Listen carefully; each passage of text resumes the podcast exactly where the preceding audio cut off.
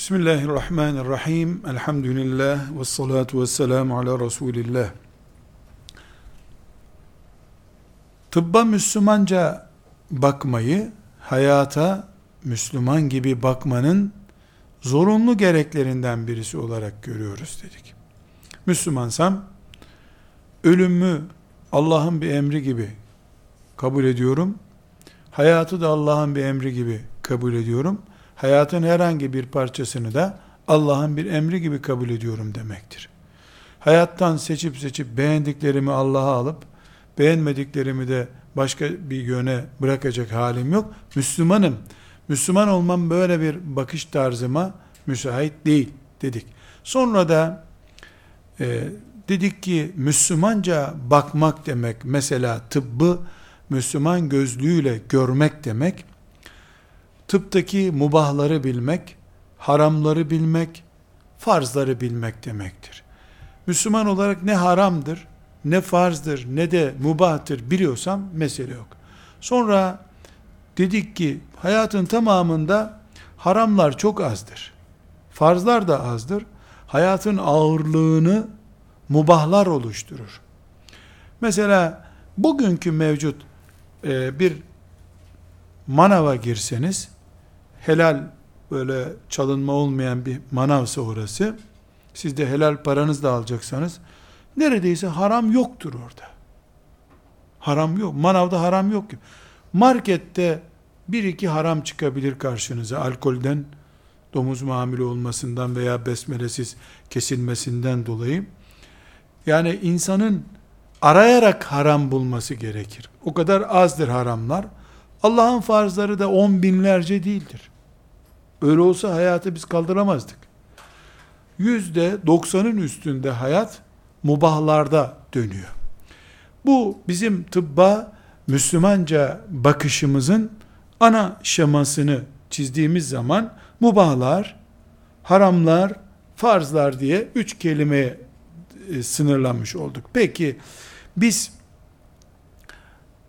bu haramları anlayalım dediğimiz zaman kendimize bir kural koyduk. Dedik ki haram ve helal Allah'ın koyacağı şeyin adıdır. Kul haram ve helal koyamaz. Peygamber aleyhisselam zevkine göre, kendi kanaatine göre haramlar koymamıştır. Helaller belirlememiştir. Alimler, müştehitler, mesela Ebu Hanifeler, haramlar belirlemiyorlar neyin haram olduğunu ortaya çıkarıyorlar. Kendileri haram koymuyorlar. Allah neye haram dedi? Peygamberi neye haram dedi? Bunu bir mantık üzerinden anlamaya çalışıyorlar. Sonra dedik ki herhangi bir şekilde insanların haramlar ve helaller konusunda ayrıcalığı yoktur. Bütün insanlar tarağın dişlerindeki denklik gibi haram konusunda denktirler. Ama biz ileride e, doktorun önündeki haramlarda bazı ruhsatlar dediğimiz muafiyetler veya haramın sınırını daraltma, haramı farklı, farklı gözle görme gibi şeyler doktorlar için olacak. Bu doktora muafiyet değil. Doktorun mesleğinin gerektirdiği zorunluluk olduğu için Allahu Teala kullarının menfaatinden dolayı haramlar ve helaller koyduğundan bu menfaat bir nebze gerektiriyor diye de Allahu Teala haramları yer yer tıpta daraltmıştır dedik. Sonra dedik ki Allah haramları ve helalleri belirlerken kullarının bireysel ve toplumsal menfaatinin kesiştiği yerlere göre belirlemiştir. Bunun için bireye yer yer bilhassa tıp alanında yasak getirilirken bu yasak getirme bir zulüm değildir. Bireyin kendisinden çok insanlığın geleceğini, toplumun mevcut durumunu Allahu Teala takdir buyurduğu için, öyle görüldüğü için, bütün insanlık olarak görüldüğü için mesele haramdır veya değildir denmiştir.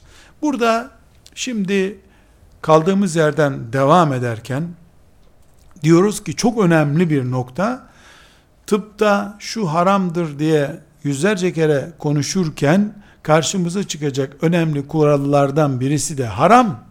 Haram olduğu gibi harama sebep olan şey de haramdır. Bir şey neticede harama götürüyorsa ona haram uygulaması yaparız biz. Eğer harama götüren şeyleri sakıncasız haram değil diye algılarsak o bütün taşların bağlanıp köpeklerin salınması gibi olur. Şeytan için gerekli bütün ortamları oluşturup ondan sonra şeytandan koru kendini demek kadar zor ve içinden çıkılmaz bir gerçek haline gelir. O nedenle İslam şeriatı olarak iman ettiğimiz değerlerimiz haram haram olarak anlaşıldığı gibi harama kesinlikle götüren her şey de haramdır. İnsan öldürmek haram. İğne yapmak aslında haram değil ama zehirli bir iğneyi yapmak da haram. Aslında o insan öldürmek değil. Ama insanı uzun vadede 5 yıl sonra kanser olup ölüme sevk ediyor. O zaman bu ilacı kullanamıyorsun sen. Harama götürdüğüne dair, haram olan ölüme götürdüğüne dair diyelim. Elimizde bir belge var. Tıp belgelemiş ki bu haram olan şey yani insan öldürmek bu ilaçla oluşuyor. Bunu kullanamazsın. Buna şöyle bir örnek vereyim. Mesela herhangi bir cihaz, ultrasyon diyelim. Bu insanın ciddi ciddi sağlığına kavuşması için kullanılan neredeyse mübarek denecek bir cihaz. Yanlış ihtimali az, azalıyor doktorun. Bir tür bedenin içini gören gözü gibi çalışıyor. Güzel. Bundan hastalıkların geneli hesap edilerek bir değerlendirme yaptığımızda bundan sağlık üretmekte yüzde yetmiş istifade ediyoruz diyelim. Yarın vesvese gibi bir söz söylüyorum. Gerçekle bir alakası yok. Yarın bilimsel bir araştırma yapılmış ki işte günün birinde ultrasyonla filan e, şekilde muayene olan bir hasta er veya geç kanser olup ölmektedir. Dedi birisi. Bu bilimsel olarak da ispat edildi. Gerçekten böyle oluyor. Hemen oturup bir insan ne kadar istifade ediyordu ultrasyondan? Yüzde yetmiş oranında. Bu ölüm oranıyla karşılaştırıldığında ölüm oranı yani kanser olup ölme oranı neye çıktı? Yüzde yetmiş beşe çıktı. Şeriat hemen devreye girer. Bu cihazı kullanmak haramdır der. Cihazın aslında bir şey yok ve muayene edince onunla görüntü alınca da hemen ölmüyor. Ama şeriatın ruhu nedir? Harama götüren bir şeyi haram kabul ederim ben diyor. Bu insanın hayatına mal olan bir sonuç. E hasta şu anda sakınca görmüyor bunda. Hasta görmüyor olabilir. Şeriat sakınca görüyor. Bunu bir sanal rüya gibi anlattığım için ben sizler kadar e, tıbbi kavramları, cihazları bilmiyorum. Bir ultrasyon biliyorum. E, o ultrasyon üzerinden örnek veriyorum. Böyle bir şey yok herhalde. Allah'ın izniyle de olmaz. Böyle dua ederiz. Ama bizim itikadımız nedir? Eğer bir şey haramsa ona haram dediğimiz gibi bir şey de sonuçta harama götürüyorsa o da haramdır. Burada şu örneği vermiyorum. Belki siz beni dinlerken şimdi herhalde halvet haramdır çünkü sonunda zinaya götürüyor diyecek zannediyorsunuz. Onu ahlak dersinde konuşalım. Müslümanın ahlakı dersinde konuşalım. E, elbette doktor da bir insan olarak, hasta da bir insan olarak, hemşire de bir insan olarak e, ahlaklı insan olacak. Ahlakı bu konuda zedeleniyorsa mesele yok. Onu da aynı şey için e, kullanıyoruz. Bir başka mesele haramları ve helalleri konuşurken haram belli. Allah'ın yasağı. Helal de belli. Allah'ın serbestliği. Serbest bırakıyor. İkisi arasında bir tampon kavramımız var bizim. Şüphe. Şüphemiz nedir? Şüphe dinin haram dediği ölçülerin tam oluşmadığı, helal dediği ölçülerin de bir türlü yerini bulmadığı orta kavram demek. Burada çok basit bir örnek olarak siz tababete bunu uyarlayın. Ben halk tababeti açısından, halk sağlığı açısından ele alayım. Sigara haram mıdır, helal midir, şüpheli midir? Eğer sigara kullanıcısı hiçbir sakınca görmüyor bundan. Günde bir paket sigara içen bir tehlike görmez. Derse tıp, biz din olarak deriz ki bunun üretildiği nesnede alkol veya domuz yağı gibi bir şey var mı? Yok. Bir sıkıntı yok. Sigara helaldir deriz. Eğer sigara helal midir, haram mıdır sorusunda cevap ararken doktor tıp raporu diyelim, doktor bireysel bir isim, tıp raporu elimize geçip derse ki günde bir paket veya şu kadar sigara içen birisi neticede gırtlak kanseri olur. Ciğeri tıkanır. Bu insan şöyle olur, böyle olur. Yani insanın bedenine zararı tıbbın verilerine göre kesindir dediği an sigara haramdır. Şu anda sigara böyle midir? Öyle olduğunu doktorlar söylüyorlar. Paketin üstünde zaten o öldürür, ananı ağlatır, helak olursun her şey yazıyor. Bu canavardır, şöyledir yazıyor. Paketinin üstünde yazıyor. Doktora sormaya da gerek kalmadı. Fare zehiri gibi satılıyor dünyada. Fare zehiri nasıl?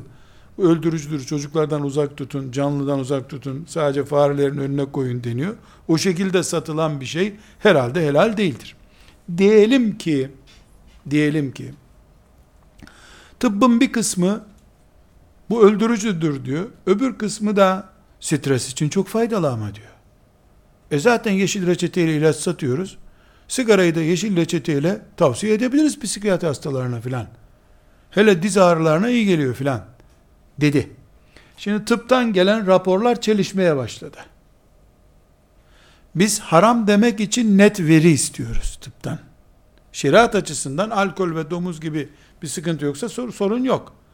Sağlığa havale ediyor şeriat. Sağlıktan da ortada bir şey geliyor. Helale mi yakın, harama mı yakın anlayamıyoruz. Bu şüpheli bir kavram diyoruz. Şüphe standartlarını havale ediyoruz. Şüpheye geçen bir şey için haram demiyoruz. Helal de demiyoruz. Allah'tan korktuğun kadar bundan uzak dur diyoruz. İmanı zayıf olan bundan istifade ettiğinde sen büyük haram işledin demiyoruz. Ama bunu terk edene sen gerçekten takvalı bir müminsin diyoruz. Şüpheliler bu. Şimdi bunu sigara üzerinden verdim. Ee, doğal olarak sizler de sigarayı bildiğiniz için, bütün dünya bildiği için zaten çok net anlaşıldı. Ama gelin bunu çaya endeksleyelim. Çay haram mı, helal mi, şüpheli mi? Çok rahat bir şekilde çay helaldir deriz.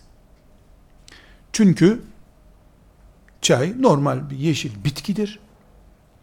Çayın helal dışında kalmasını gerektirecek bir farkı, ayrıcalığı yoktur. Mesele de yok.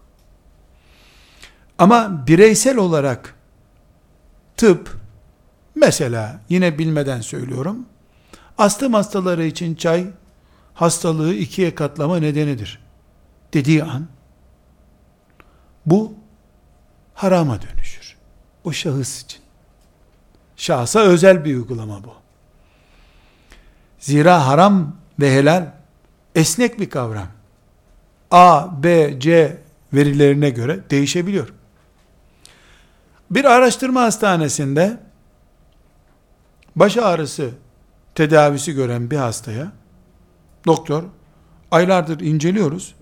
Sen yediğin içtiğin şeyleri bize bir getir bakalım diyor. Adam da günde 10 bardak çay içiyorum diyor. Bunun üzerine nöroloji uzmanı diyor ki bir ay çay içmeyeceksin diyor. Tekrar tahlil yapacağız. Tekrar inceleyeceğiz seni diyor. Doktor helal ve haram koyamaz.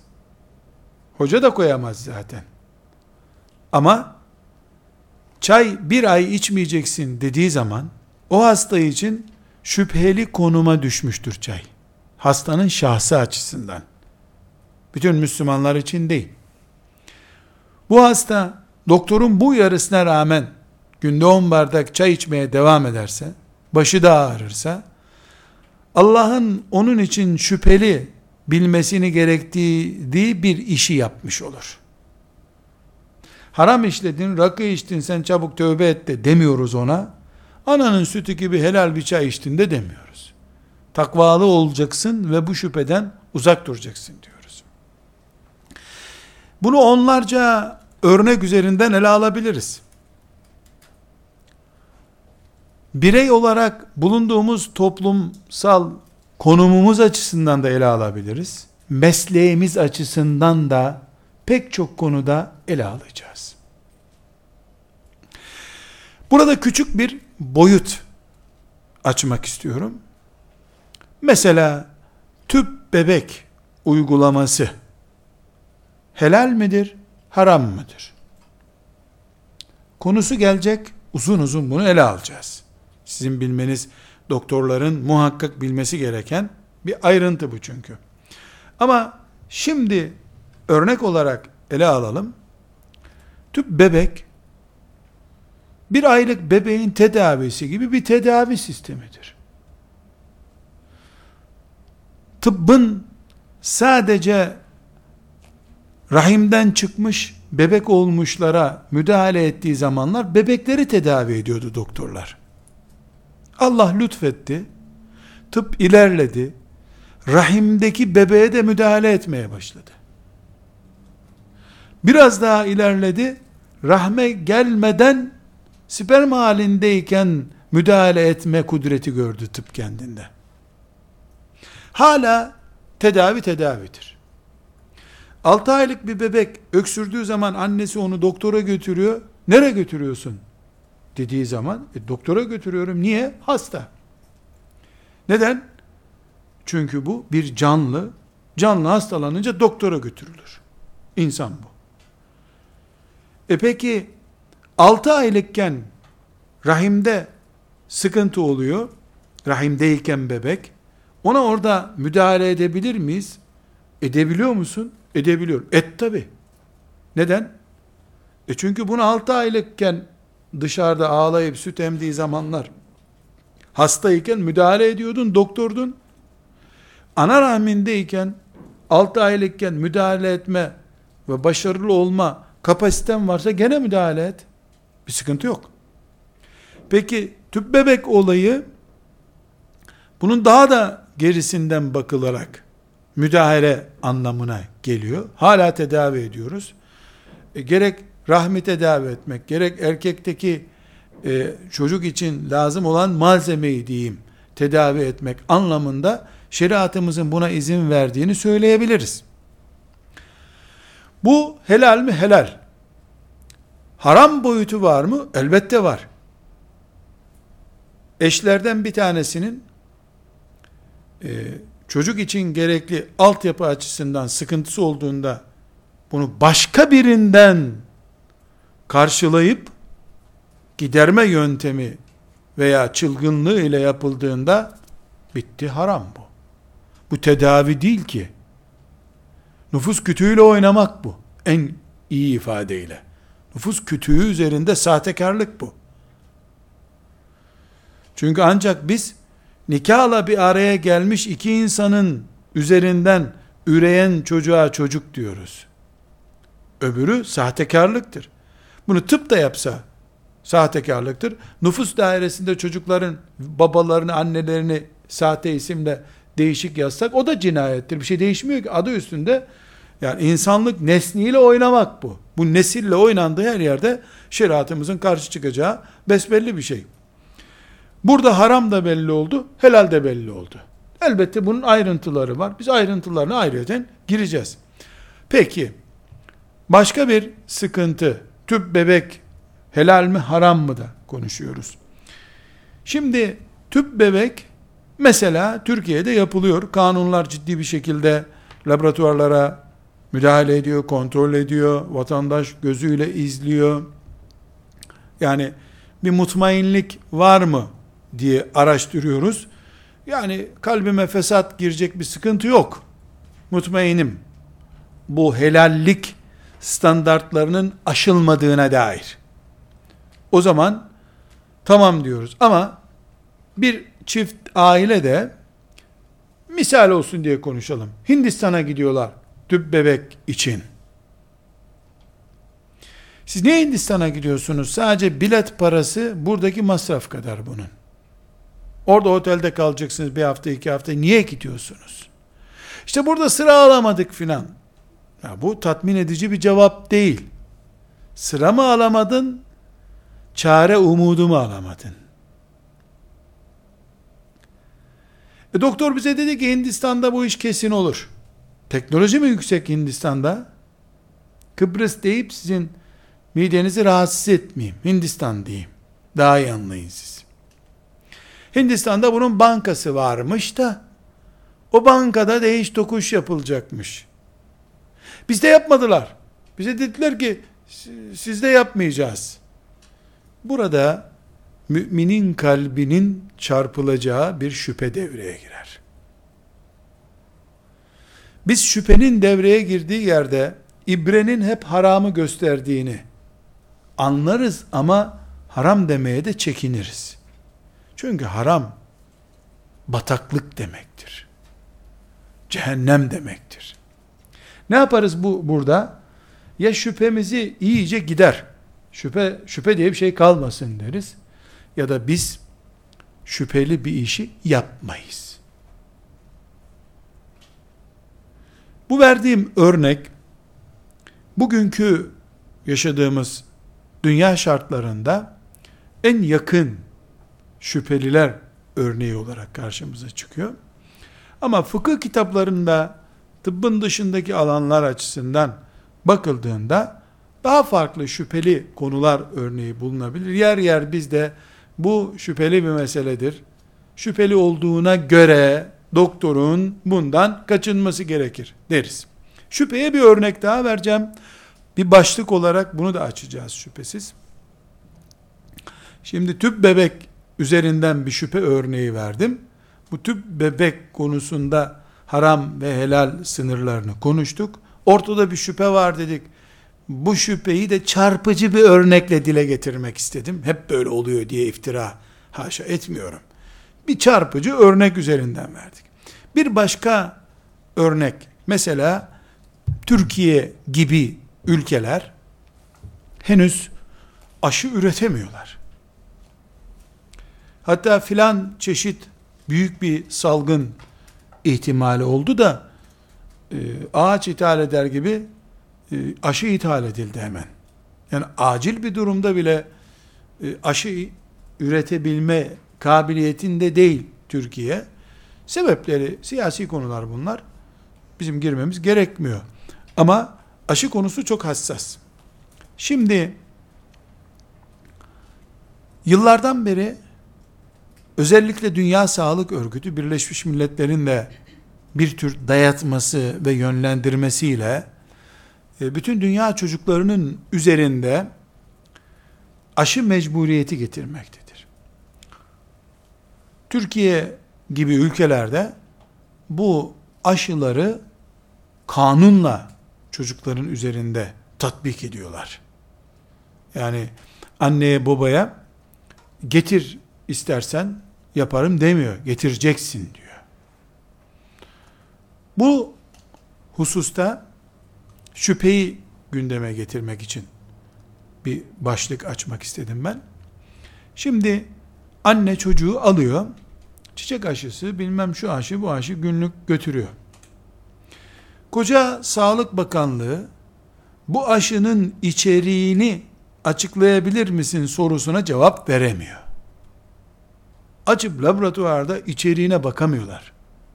Bakmıyorlar mı? Bakamıyorlar mı bilmiyorum. Ama sorduğumuzda bakılamıyor deniyor. Bir acziyet ileri sürülüyor. Küçük bir dipnot gibi mesele açayım. İkinci Dünya Savaşı'ndan beri ya da Amerika'nın Kamboçya macerasından beri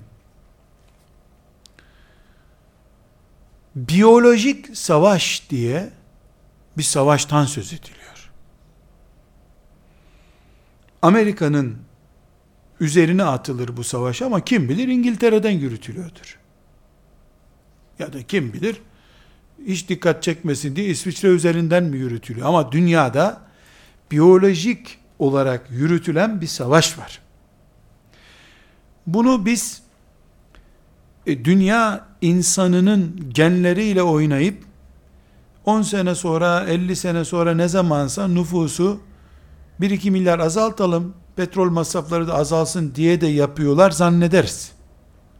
Kafirden bunu da bekleriz biz. Çiçek aşısı üretip bu aşıyı kendi ülkelerinde A, B, C diye versiyonla ürettikten sonra kendilerinde A formülünü uygulayıp diğer bilhassa Müslüman ülkelere B versiyonlu bir aşı gönderip aynı zamanda çocukları olmayacak kısır insanlar yetiştirmek için de bir küçük müdahale aşıya yapmış olamazlar mı? E, yaptıkları savaşlara, e, kullandıkları taktiklere baktığımızda yapmazlar. Onlar da insandır diyemiyoruz. Vahşilikte iblisi geçmiş bir nesille boğuşuyoruz biz şu anda. İnsan öldürmekte sakınca görmüyorlar. Ürettikleri bombaları tehlikeli görüp de ürettikleri aşıları tehlikeli görmezsek e, basiretsiz Müslüman oluruz biz. Bu adam bombayla öldürmekte sakınca görmüyor da daha masrafsız bir üstelik parasını da senden aldığı bir aşı ile niye öldürmesin? Kanserin son 50 senede bu kadar aşırı yayılmış olması, her sene 5-10 çeşit hastalığın literatüre girmesi gibi bazı cevabı verilemez, gerekçesi bulunamaz sorular da bu aşılardan üretilmiş olabilir. Haklı olarak bütün dünya mustazafları yani laboratuvarlarında bu aşıların analizini yapıp bu 20 sene sonra insanlarda psikiyatrik filan sorunu oluşturuyor. Bu aşıyı vurulan çocuğun şizofreni olma ihtimali yüzde otuz. Normalde insanda yüzde üçtür şizofreni ihtimali bu yüzde otuza çıkarıyor. Diye tespit yapma imkanımız yok bizim.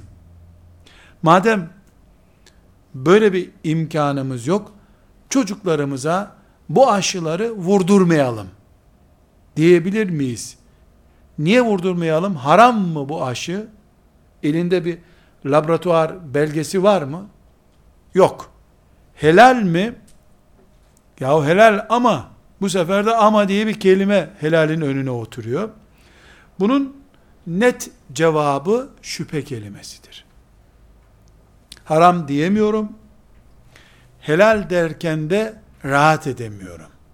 Niye rahat edemiyorum? Çünkü bu adam bunu ekmek peynirden daha ucuz niye satıyor?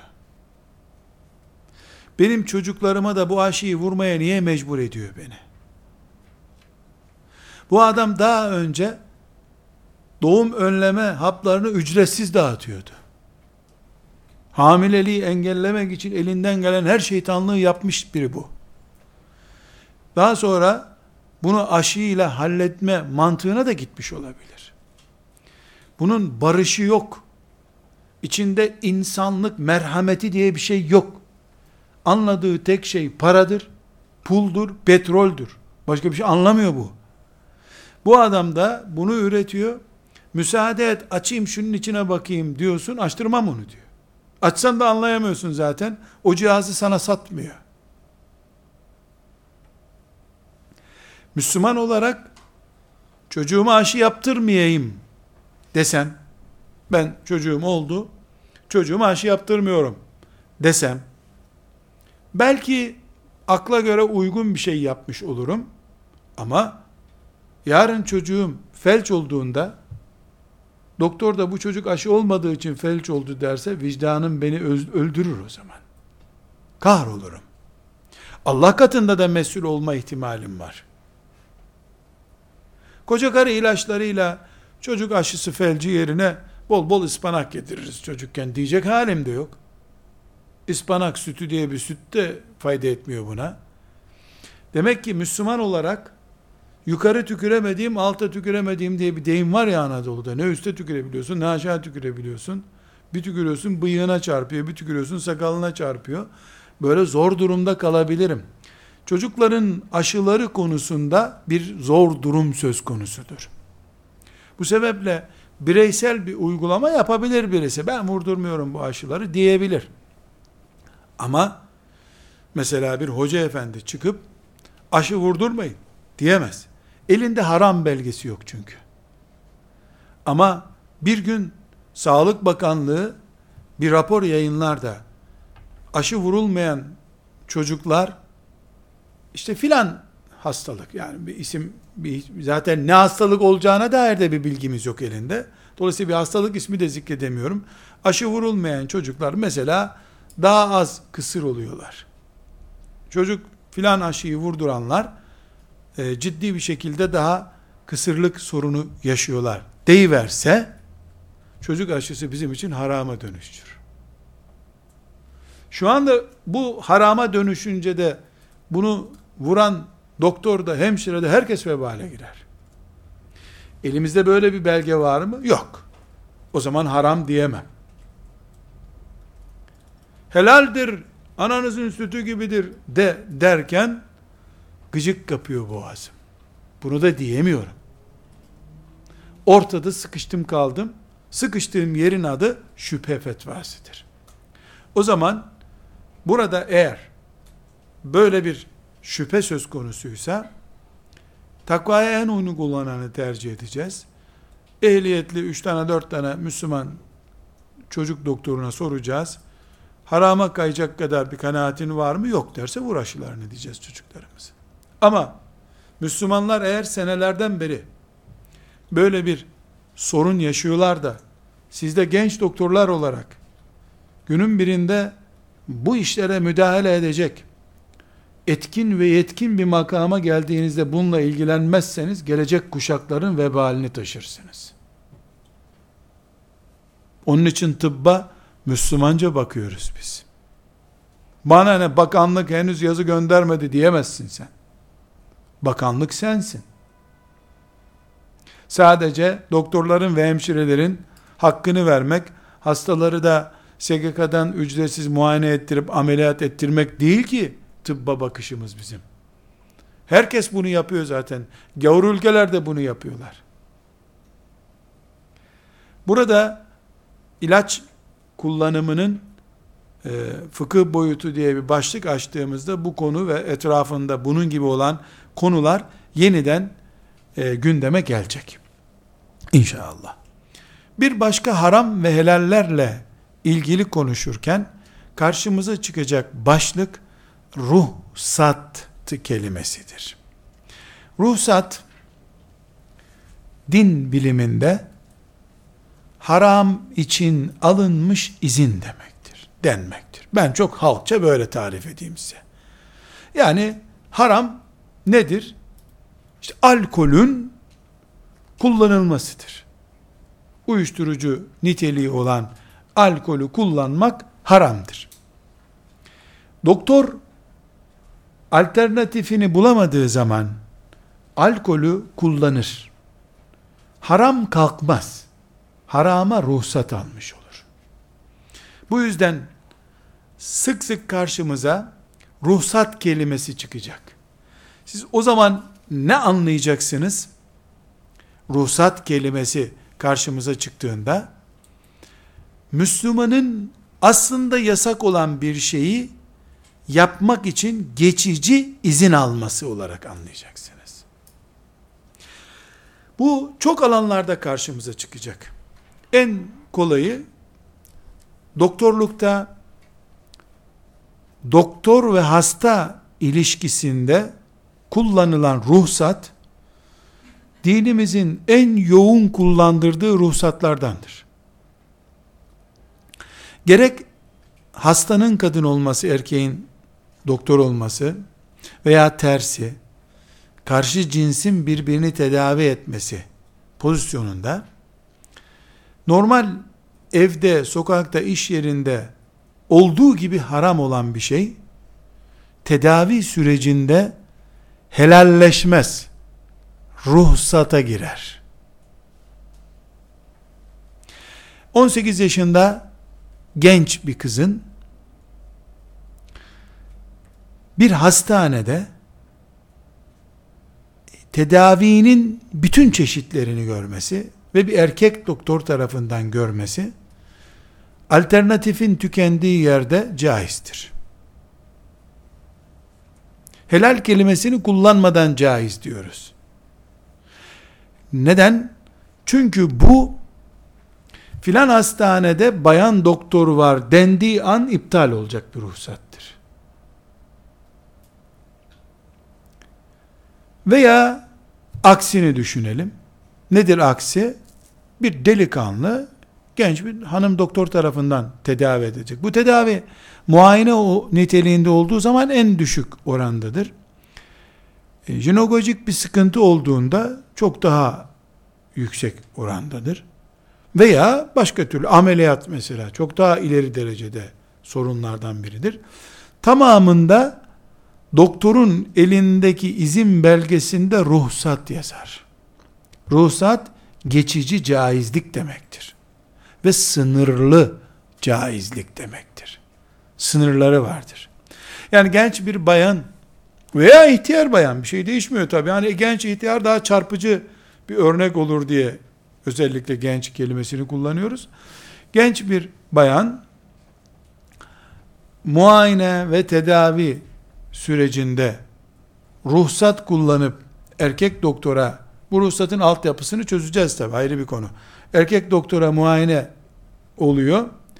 Sonra da e, psikiyatri doktoru mesela gel beraber bir çay içelim diyor. Bitmiş bir ruhsat kullanılıyor burada. Alanı ve zamanı bitmiş bir ruhsat vardır. E bir kere ruhsat verildiyse verilen ruhsat 24 saatlik değil. Ömür boyu değil.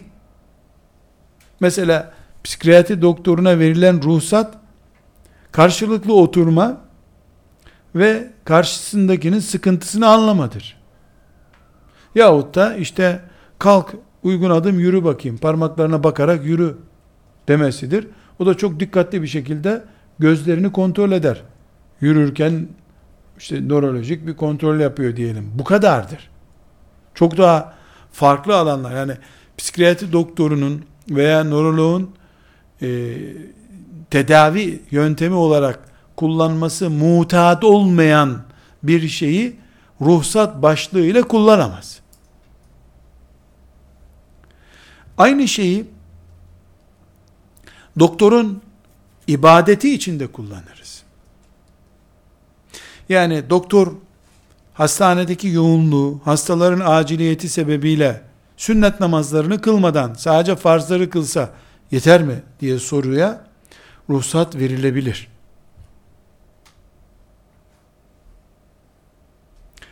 Çok kolay anlaşılması bakımından bir örnek vereyim. Büyük bir hastanenin yoğun bakımındaki bir hemşire bana şöyle bir soru sordu.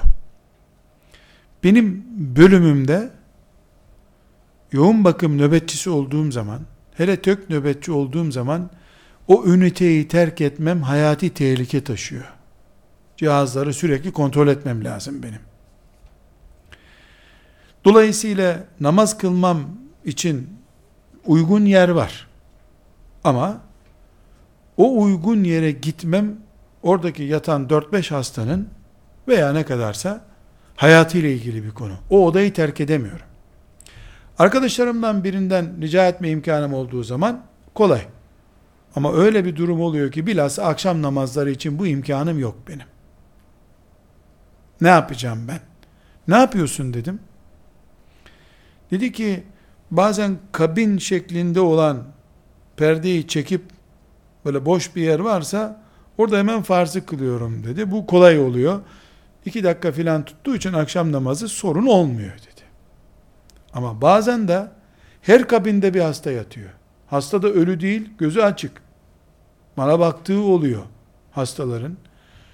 O zaman ne yapıyorsun dedim.